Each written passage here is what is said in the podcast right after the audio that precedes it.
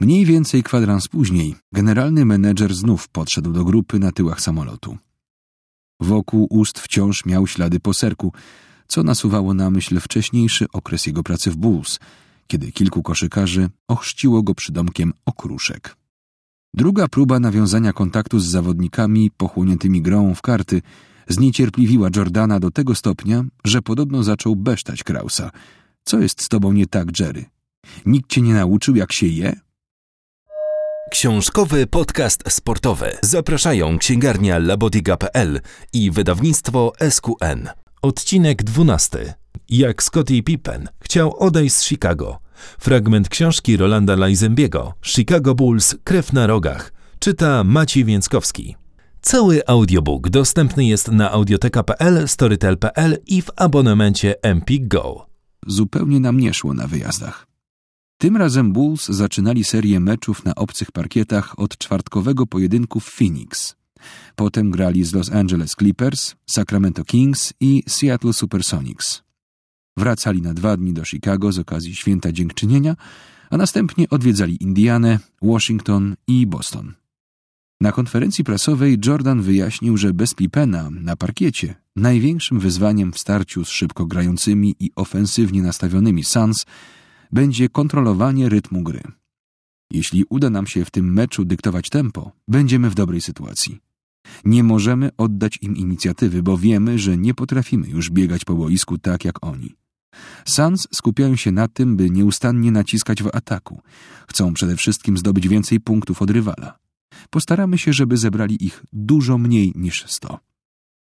Pod nieobecność Pipena byki rzucały średnio jedynie 88,4 punktu na mecz, co dawało im w tej statystyce zaledwie 28 pozycję na 29 zespołów NBA. Co gorsza, rzucali z mizerną skutecznością i tracili piłkę około 18-19 razy na spotkanie. Bez Scottiego o wiele trudniej grało się też samemu Jordanowi, bo inne drużyny mogły go podwajać, a nawet potrajać i nie ponosiły z tego powodu takich konsekwencji jak zwykle. Nie chcę wciąż ględzić, że czekamy na jego powrót, ale bądźmy szczerzy. Koleś jest jednym z najlepszych koszykarzy w historii. Jego obecność wpływa na każdy aspekt naszej gry, tłumaczył Kerr. Dopóki do nas nie dołączy, nie możemy się uważać za prawdziwych Bulls. Jakiś czas później Pippen przyzna, że nie był szczególnie zasmucony ówczesnymi wydarzeniami. Po kolejnej przerwie między sezonami, w trakcie której Krause rozważał transfer swojego wybitnego skrzydłowego, Chicago boleśnie sobie uświadamiało, że jest on niezbędny, by na boisku pojawiła się w drużynie chemia. Bez niego Bulls tracili pazur. Byli też po prostu starzy i jak to zwykle wiekowi zawodnicy, mozolnie brnęli przez każdy mecz. Aby odciążyć nieco Jordana w ofensywie, Jackson postanowił wprowadzić do pierwszej piątki czołowego rezerwowego, Kukocza, dzięki czemu Chicago mogło atakować trzema nominalnymi gardami w składzie. Pojawił się jednak kolejny problem. Lekarze zdiagnozowali u Steve'a Kera pęknięcie kości udowej i na jakiś czas zawodnik został wyłączony z gry. Oznaczało to dramatyczne osłabienie już i tak niezbyt silnej ławki rezerwowych. Przed rozpoczęciem rozgrywek Jackson wyjaśnił asystentom, że chce, aby w trakcie tego ostatniego sezonu wszyscy świetnie się bawili. Raptem po kilku tygodniach stało się jednak jasne, że wcale tak nie jest. Tex Winter obserwował, jak trener zmaga się z emocjami. Nie tylko własnymi, ale także koszykarzy. Pracujemy zarówno nad fizycznym przygotowaniem zawodników, jak i wzmocnieniem ich psychiki, ducha tłumaczył Jackson dziennikarzom śledzącym poczynania drużyny. Chcemy, by poczuli większy apetyt na grę, głód zwycięstwa. Chcemy sprawić, by koszykówka znów stała się dla nich frajdą. Źródłem frajdy są jednak głównie zwycięstwa, a w starciu z Suns bykom znów nie udało się wygrać. Przegraliśmy spotkanie w Phoenix, chociaż pod sam koniec Denis miał zupełnie czysty rzut z dwutaktu, ale spudłował, wspominał Jackson. Znów oddaliśmy na wyjeździe mecz, który mieliśmy już praktycznie w kieszeni. Atmosfery w klubie z pewnością nie poprawiło też to, że przed spotkaniem Rodman poleciał do Oakland na koncert Rolling Stones i Pearl Jam, a cały wypad zwieńczył przystankiem w Las Vegas, gdzie niemal do świtu grał w ruletkę. Gdy Bulls dominowali w lidze, Zwykle przymykali oko na to, że nie mieli z Rodmana żadnego pożytku w ofensywie. Ale teraz, kiedy zabrakło Pipena, nieporadność kolegi po tej stronie parkietu stała się dla Jordana kolejną gorzką pigułką do przełknięcia. Tego wieczoru, podczas lotu z Phoenix do Los Angeles, Krause podszedł do Jordana, Pipena, Randy'ego Browna, Scotta Burella i Rona Harpera, którzy jak zwykle grali w karty na samym końcu samolotu. Klub postanowił, że kontuzjowany Steve Kerr może wrócić do domu, by spędzić czas z ciężarną żoną. Rezerwowy obrońca, a także rzadko wykorzystywany pierwszoroczniak Keith Booth zostali jednak wcześniej wyznaczeni do spotkania promocyjnego w Sacramento. Książkowy podcast sportowy znajdziecie na YouTubie oraz platformach streamingowych Anchor, Breaker, Google Podcast, Pocket Cast, Radio Public i Spotify. Zachęcamy do zasubskrybowania na nich kanałów wydawnictwa SQN. Nie przegapicie w ten sposób żadnego nowego odcinka. Dziękujemy. W którym miał także uczestniczyć Jerry Reinsdorf. Prezes Bulls nie zdążył jeszcze dołączyć do drużyny. Kiedy Krause zagadał na pokładzie samolotu do grupy zawodników, miał na twarzy pozostałości serka śmietankowego z kanapki, którą zjadł po meczu z Suns. Według kilku relacji z tego incydentu koszykarze zaczęli się z niego bezlitośnie nabijać.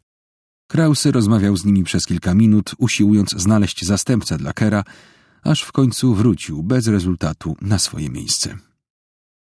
Mniej więcej kwadrans później generalny menedżer znów podszedł do grupy na tyłach samolotu.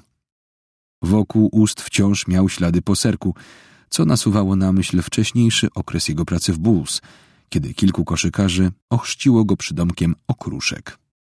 Druga próba nawiązania kontaktu z zawodnikami pochłoniętymi grą w karty zniecierpliwiła Jordana do tego stopnia, że podobno zaczął besztać Krausa. Co jest z tobą nie tak, Jerry? Nikt cię nie nauczył, jak się je? Wszyscy wiemy, że Jerry lubi jeść, mówił później Harper. On najwyraźniej nie wie, że po jedzeniu często zostają mu na twarzy okruchy, a szamie coś naprawdę często. MJ mu to powiedział. Rzucił kilka słów, które wszystkich rozśmieszyły. Sami rozumiecie, Jerry chce być częścią drużyny, ale zrobiłby o wiele mądrzej, gdyby trzymał się od nas z daleka. Ostatecznie to Harper zgodził się wystąpić w Sacramento u boku Reinsdorfa, bynajmniej nie ze względu na lojalność wobec prezesa czy menedżera klubu, tylko dlatego, że nie chciał zostawić na lodzie rozgrywającego pierwszy sezon Buffa. Wydarzenie okazało się całkiem udane, a Reinsdorf na żywo był świetnym kompanem. Jerry to dobry facet, przyznał Harper, podkreślając, że przed spotkaniem szef Bulls dogadał się z organizatorem, by nie przetrzymywać koszykarza zbyt długo. Na temat Krausa obrońca powiedział natomiast, ściągnął do zespołu paru ważnych zawodników, ale wielu z nich jednocześnie rozwścieczył swoimi wypowiedziami, sposobem w jaki ich traktuje. To trwa od lat i problem wciąż narasta. Nie da się go rozwiązać od tak, za jednym zamachem. Jordan odpowiedział na serię porażek największą do tamtej pory zdobyczą punktową w sezonie. Zgromadził ich 49 przeciwko Clippers. Zarazem po raz 150 w karierze przekroczył w meczu granicę 40 punktów. Jego świetny występ został przyćmiony przez fakt, że przeciwnikiem był bardzo słaby zespół z Los Angeles, a Bulls potrzebowali dwóch dogrywek, żeby się uporać z rywalami. Liczył się jednak końcowy rezultat – a byki nie osiągnęłyby go, gdyby pod koniec pierwszej dogrywki Jordan nie zdobył punktów w swoim stylu, po tym jak wcześniej spudłował z rzutu wolnego. Clippers, którzy w dwunastu meczach dochrapali się raptem jednego zwycięstwa, wygrywali 102 do 100 na 15,7 sekundy przed końcem spotkania. Jordan został sfaulowany, ale nie wykorzystał pierwszego rzutu wolnego. Gdy druga próba również odbiła się od obręczy i piłka poleciała na zewnątrz, Michael wyskoczył do zbiórki, cofnął się o kilka kroków i minął dwutaktem kryjącego go Brenta Berego z Clippers. W drugiej dogrywce Jordan zdobył wszystkie dziewięć punktów dla Chicago. Łącznie zaliczył 13 punktów z rzędu i poprowadził zespół do wygranej 111 do 102. Po meczu dziennikarz Daily Herald, Kent McDeal, zauważył Pipena siedzącego samotnie w szatni. Obok niego było puste krzesło, wspominał. Więc po prostu podszedłem się przywitać, sprawdzić jak się miewa i kiedy chce wrócić do gry. Zapytałem go konkretnie, w którym spotkaniu widziałby siebie znów na parkiecie. A on rzucił, nie zamierzam już grać w Bulls. Ron Harper, który stał obok Pipena, spojrzał na niego i rzucił jakiś uszczypliwy komentarz. Scotty zaś roześmiał się i dodał: Mam dość tego, jak jestem tutaj traktowany. Nie chcę grać w żadnym klubie, w którym jest Jerry Krause, w żadnej organizacji, którą ten człowiek reprezentuje. Nie będę pracować dla Jerego Krausa.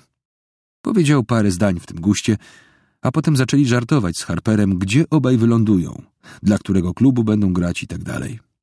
W końcu Scotty znów spojrzał na mnie i rzucił wprost: Chcę transferu.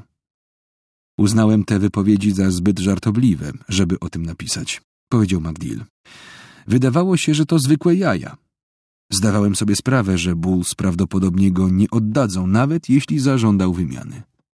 Później Jackson odnotował, że do Los Angeles przybył agent Pippena. Właśnie się dowiedziałem, że człowiek Scottiego przyjechał z nim do LA. Powiedział trener, sugerując, że obecność Jimmy'ego Sextona może mieć coś wspólnego z deklaracjami koszykarza. Po piątkowym spotkaniu z Clippers McDill nie napisał nic na temat tego, co usłyszał. Ale w niedzielę w Sacramento znów natknął się na Pipena. Podszedłem do niego, kiedy stał i czekał na prezentację zawodników przed meczem, wspominał reporter. Zagadnąłem go. Kiedy zwołasz konferencję prasową i ogłosisz, że chcesz odejść? Odparł, gdy tylko opublikujesz o tym artykuł. Więc zadałem mu jeszcze kilka pytań. Potem zamknąłem się w pomieszczeniu dla prasy i zacząłem opisywać także to, co wydarzyło się w piątek wieczorem. W przerwie spotkania zobaczyłem go znowu. Podszedł do mnie i zapytał: Napiszesz ten artykuł? A ja powiedziałem: Prawdę mówiąc, jest już gotowy. Poinformowałem go, co znajdzie się w tekście, a on skomentował: Dokładnie tak się czuję. Żądam transferu. Nie chcę dalej grać w Bulls. Oczywiście nie była to przemyślana decyzja, ciągnął McDill bo klub nie zamierzał oddawać zawodnika tylko dlatego, że ten oczekiwał wymiany. W Bulls byli przecież świadomi, że nie dostaną nikogo wartościowego za koszykarza, który publicznie oświadczył, że pragnie od nich odejść. W tamtym okresie Scotty był wkurzony i chciał powiedzieć głośno pewne rzeczy. Jestem pewien, że pragnął wsadzić kij w mrowisko i to mu się z pewnością udało. Rzeczywiście wypowiedzi Pipena pojawiły się w nagłówkach w całym kraju. Nie wracam do byków, powiedział koszykarz Magdilowi. Chcę zostać wymieniony, przejść do Phoenix albo Los Angeles. Co więcej, dawał do zrozumienia, że symuluje niedyspozycję. Może jestem już zdrowy i gotów do gry. O niczym mnie nie poinformował, skomentował wypowiedzi koszykarza Krause. Wydaliśmy dużo pieniędzy, żeby sprowadzić z powrotem wszystkich zawodników z zeszłego sezonu i znów powalczyć o mistrzostwo. Nie wiem, o czym on mówi.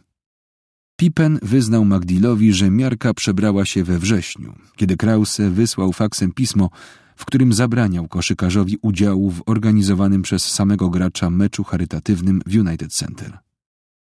Powiedział, że ukaże mnie grzywną. Wyobrażasz to sobie? powiedział Pippen.